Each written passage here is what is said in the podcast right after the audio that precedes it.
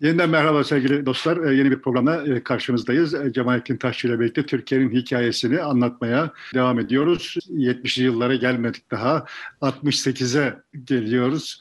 68 olaylarını bu sefer ele alalım istiyoruz. Dünyada 68 neydi? Türkiye'de ne oldu?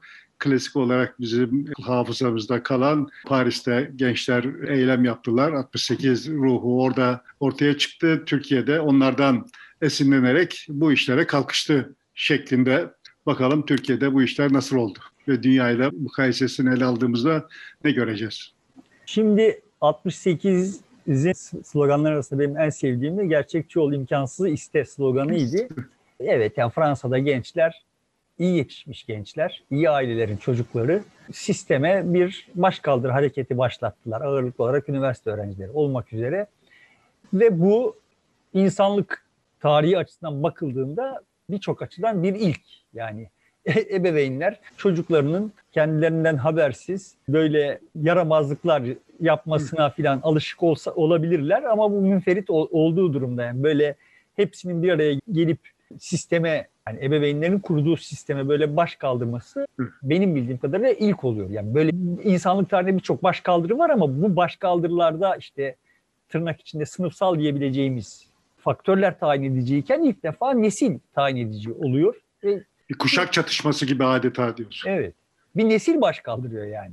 Ve baş kaldırdığı şey ne? Evet. İşte geçen programda demeye çalıştığım gibi Soğuk Savaş adı altında meşrulaştırılmaya ve sürdürülmeye çalışılan manasız bir sistem var. Bu sistemin yarattığı baskı ya bir reaksiyon olarak okudum ben 68'i tekrar aklım ermeye başladıktan sonra. Birincisi şunu söyleyeyim yani 68 benim açımdan son derece saygıdeğer, ufuk açıcı bir harekettir. Yani bu çok sempati duyduğum bir hareket 68. Bunun arkasına yatan esas mesele de ortada bir soğuk savaş var. Soğuk savaşın taraflarının ikisine de aslında mesafeli olan yani şunu itiraz var. Evet. Dünyada Sovyet bloku dışında en güçlü komünist partilerden, sosyalist hareketlerden bir tanesine sahip olan Fransa ve Komünist Parti, Sosyalist Parti 68 hareketine karşı pozisyon alıyorlar yani. 68 hareketi böyle şeye bağlamaya çalışacağım sonra bizdeki hareketlere. Bizde böyle sol hareketin bir şeyi olarak algılandı. Bizde öyle olduğu için. Yani bizde öyle olmuş olması 68'in özünün de öyle olduğu manasına gelmiyor. 68 Fransa'daki hareket kısa süre içinde zaten bir zamandır böyle filizlenmekte idi olan talepleri vesaireleri falan falan gündeme getirdi ve dünyanın dört bir yanında işte cinsel özgürlükten kadın eşitliğine, birey olma, bireysel özgürlüklerden işte savaş karşıtlığına kadar geniş bir yelpazede yeni neslin taleplerini gündeme taşıyan, onları biçimlendiren aynı zamanda da yani bu vesileleri o gençler biçimlendiler. Çünkü yani eğlenceli bir hayat maceralı, eğlenceli, işte renkli bir hayat gördüler ve herkes buna eklemlendi. Yani sonradan daha alt sınıfların çocukları da bunlara eklemlendi. İşte muazzam şeyi hatırlamıyorum. Woodstock o tarihlerde miydi şimdi hatırlamıyorum ama yani böyle muazzam müzikli, şenlikli ve büyük ölçüde de işte cinsellik konusundaki tabuların imha edildiği şenlikler halinde dalga dalga bütün dünyaya yayıldı. Hareketin savaş karşıtlığı motivasyonu ağırlıklı olarak Vietnam Savaşı üzerinden yürüdü ve buradan yola çıkarak bir Amerikan karşıtlığı, dolayısıyla işte bir Rus yanlılığı vesaire gibi bir takım akıl yürütmeler dediğim gibi demin söylediğim gibi yanlış yani sonuçta bütün bu insanlığın üzerine giydirilmiş olan manasız baskıcı sistemin yani daha doğrusu baskıcılığını o soluk savaş korkusuyla karşılıklı iki tarafın ürettiği tedişle meşrulaştıran, sürdürülebilir kılmaya çalışan sistemin tamamına itiraz. Yani başka türlü bir dünya mümkün sloganıyla başladı. Aslında Türkiye'de de öyleydi ama solun tekelinde kalmış olması biraz da o dönemki e, sistemin e, bunu o şekilde paketleyip e, sunmuş olmasından kaynaklanıyor. Öyle göstermesinden, tariflemesinden.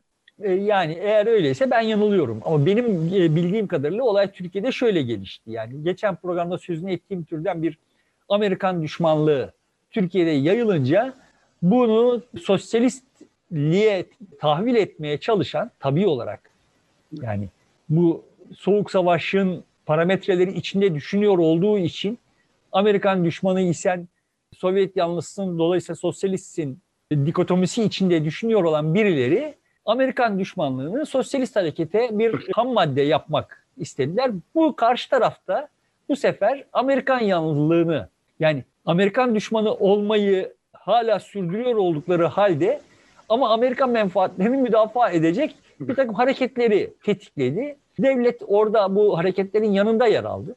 Yani çünkü hani devlet politikası icabı NATO ile falan itişip kakışmaya cesareti olmadığı için. Evet bastırmaya çalıştı, şey yaptı. O, o dönemde... Türkiye'de sol hareketin içerisinde şu hep söylenir. Özellikle 50'li yıllarda Çili bloka geçtikten sonra Türkiye'deki komünist hareketin ya da sol hareketin içerisinden Rusya değil genellikle ABD çıkar. Onlar kurdurmuştur, onlar arkadan yönetmiştir diye bir itiraf olarak pek çok anıda da yer alır, bir değerlendirmede de yer alır. Rus boyutu sonradan bir miktar işin içerisine girdi. Ama esas itibaren itibariyle sol hareketin arkasında da Batı'nın olduğu pek çok kere söylenmiştir. Yani şimdi geçen programda konuştum. Amerika'ya çok akıl vehmetmek yanlış bir şey benim bakış açımdan. Amerika Türkiye'deki olayları manipüle etmek için bir takım işler yapmış mıdır? Yapmıştır. Bunlar tam kendisinden beklenenin tersi bir takım şeyler olarak olmuş mudur? Doğru, Olmuştur. Ama beni ilgilendiriyor olan tarafı işin bu aktörlerin yapıp ettikleri değil.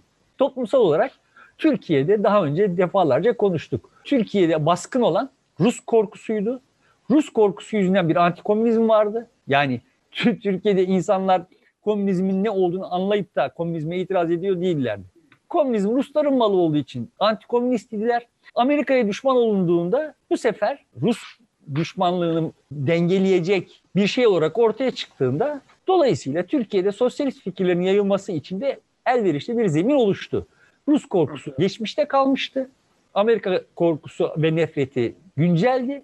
Dolayısıyla da bu toplumdaki duygu itibariyle bakıldığında iş şimdi şuraya gelmişti. Yeni yetişen bir delikanlı olarak benim açımdan eğer Amerika mı Rusya mı diye bir tercih zarureti çıksa Rusya'yı tercih etmek çok korkulacak bir şey ya da karşı çıkılacak bir şey değildi. Amerika karşıtlığına kıyasla Rus karşıtlığı daha zayıflamış idi yani.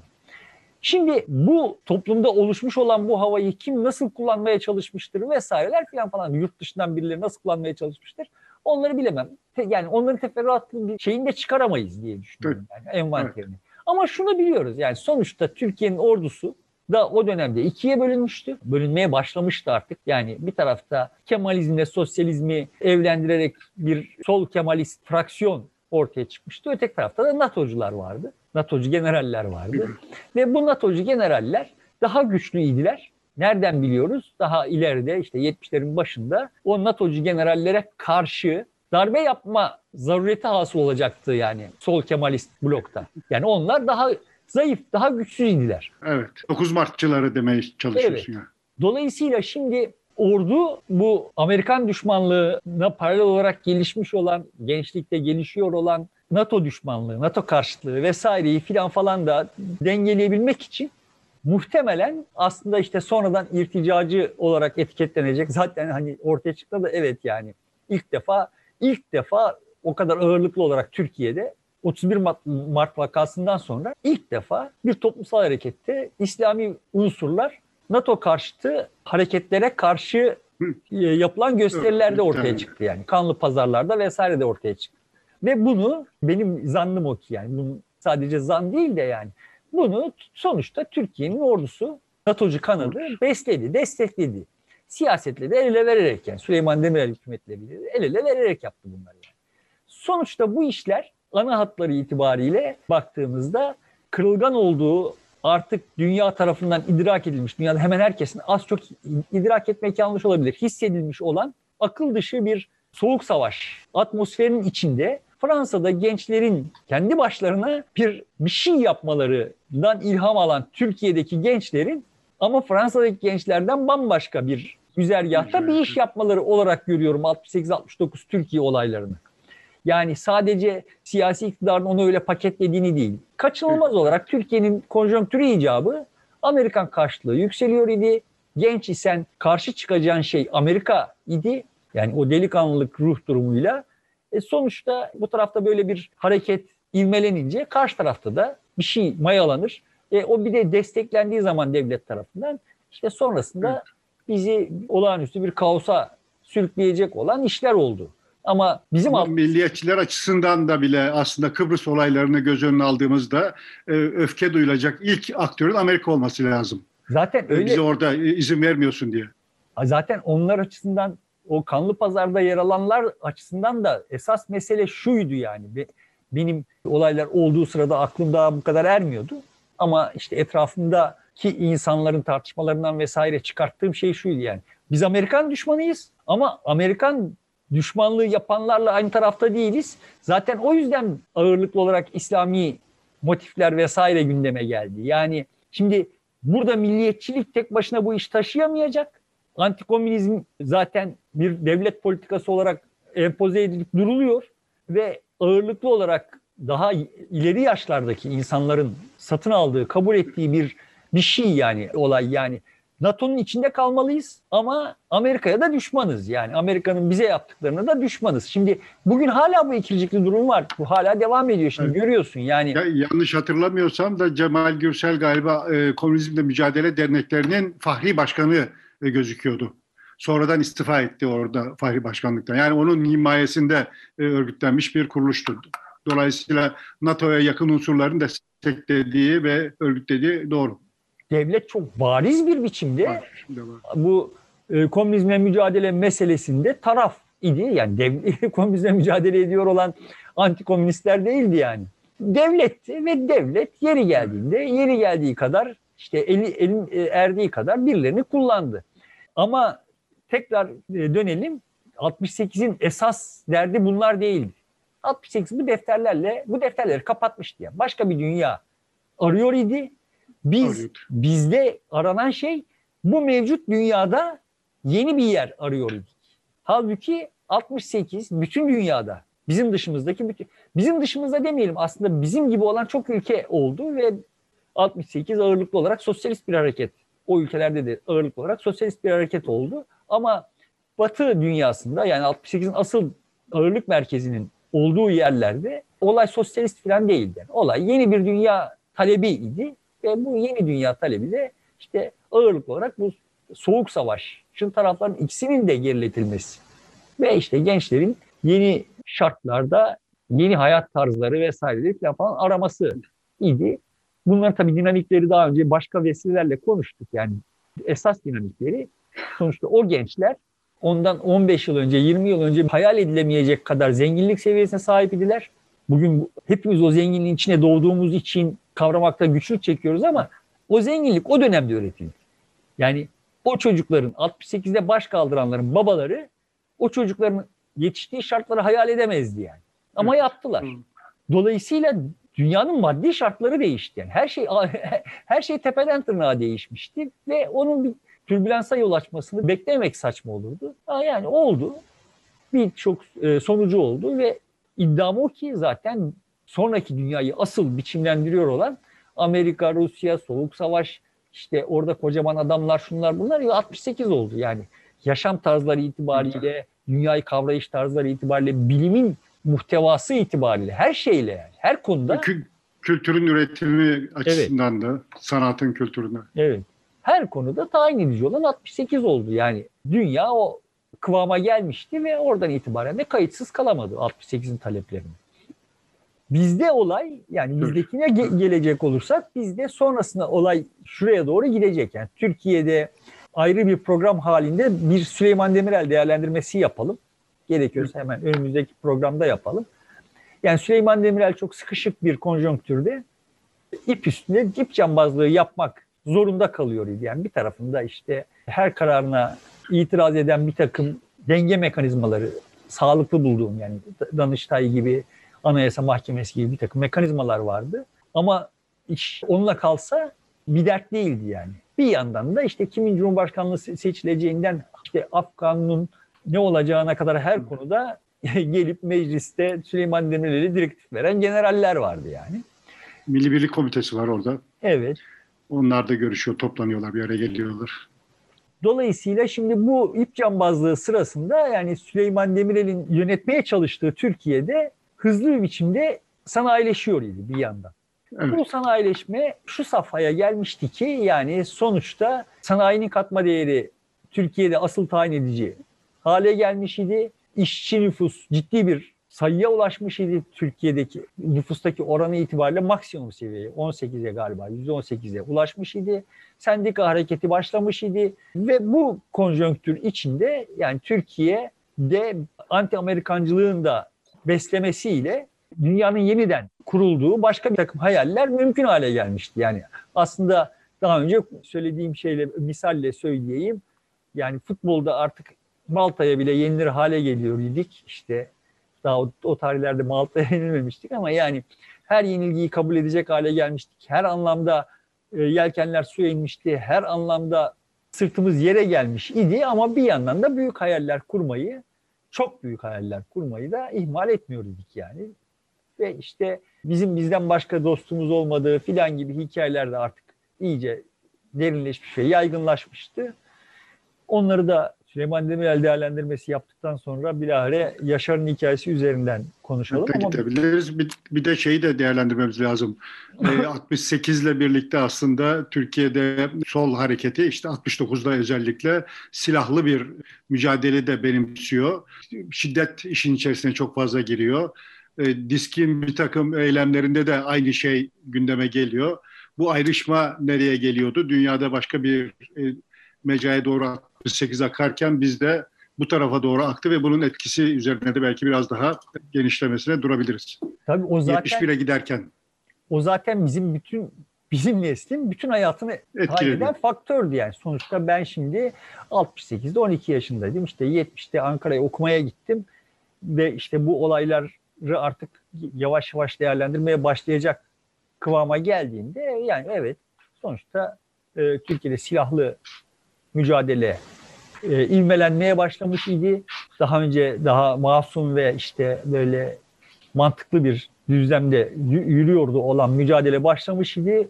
Oraya kadar iyi kötü yani oraya kadar da sonuçta Türkiye'de bu işin teorisi konusunda kafa yoran ve dişe dokunur laf eden çok az insan vardı. Ondan sonra hiç kalmadı yani. O, artık oradan sonra hiçbirimizin düşünmek için herhangi bir mesai e, ayırmasına ihtiyaç kalmadı yani. 60'ların e, sonundan itibaren. Yani 68'de aslında ne olduğu konusunda da düşünmedik. Dünyada ne olduğu konusunda da düşünmedik. Aslında bizim 68'lerin talepleri gibi taleplerimiz de olmadı yani. Olmadı. Muhtemelen bu 69'da silahla buluşmasında biraz önce söylediğin işte Kemalizmle evlenmiş olan askerlerin işte 9 Mart'ta doğru darbe yapma girişimiyle ordu gençlik el ele anlayışı herhalde etkili oldu. Yani orada da ordu içerisindeki bir grup unsurun gençlerle birlikte hareketi o silahlanlı mücadeleyi imellenmesinde sanki bir katalizör rol oynadı gibi gözüküyor.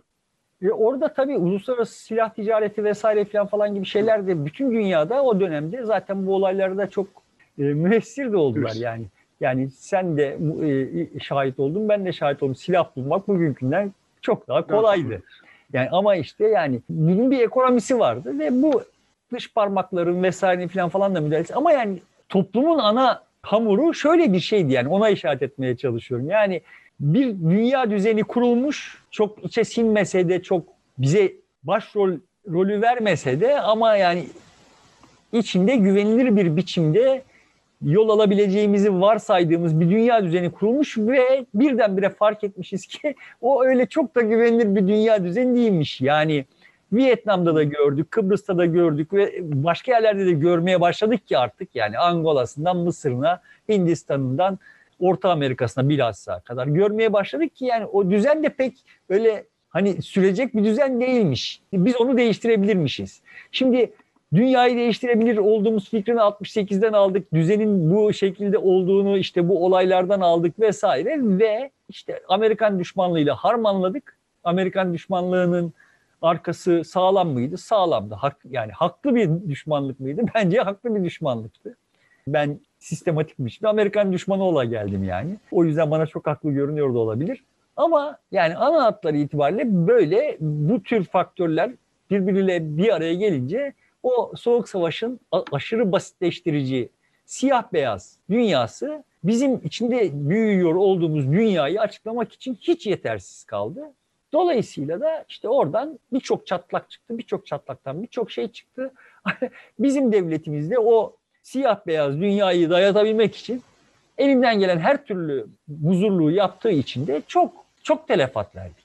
Çok can kaybı oldu. Ama asıl can kaybı ile mukayese edilebilir mi bilmiyorum. Ama çok zihinsel enerji Esas o zaten. harcamama, bütün enerjimizi eyleme, karşı tarafı dengeleyecek eylemlere vesaire falan falan harcadığımız için gerçekten bağımızı kaybettik. Yani kendi Bu kurduğu 78'e kötü bir miras olarak kaldı bu iş. 78'de zaten hiç konuşmadı, tartışmadı, hep dövüştü, durdu. Bize bir, bütün 10 yılımız yani bir kuşak boşa geçmiş oldu. Asıl odaklanması gereken yere değil, hiç ilgilenmemesi gereken konulara sanki asıl mesele oymuş gibi orada e, oyalandı durdu. Yani bunun çok güzel bir noktaya temas etti. Şimdi yani Türkiye Cumhuriyeti tarihinde ya da Türklerin tarihinde yani Osmanlı'da dahil olarak bakacak olursak yani işte sanatçı, bilim insanı, efendime söyleyeyim siyasetçi vesaire filan falan diye böyle hani dişe dokunur insanları sayacak olursak bizim neslimiz ve bizden önceki nesil dişe dokunur hiçbir şey çıkaramadı. Birkaç pop e, rock müzisyen hariç hiçbir alanda hiçbir şey çıkaramadı. Ne romancılarımız romancıya benziyordu ne bestecilerimiz besteciye benziyordu ne yani herhangi bir müzik dalındakiler yani. Ne bilim insanlarımız bilim insanına benziyordu. Çünkü absürt, saçma sapan bir şeyin peşinde ve hepimiz e, bir kutsal ordunun neferi halindeydik. Hala da o sürüyor işte görüyorsun. Şu Hala da bir şey çıkaramıyoruz. Bunları konuşmaya devam edeceğiz. İstersen önümüzdeki programlarda kaldığımız yerden devam ederiz. Ya da dönüp dönüp başka şeyler bir daha daha bakarız. Peki sevgili dostlar burada bitiriyoruz. Görüşmek üzere.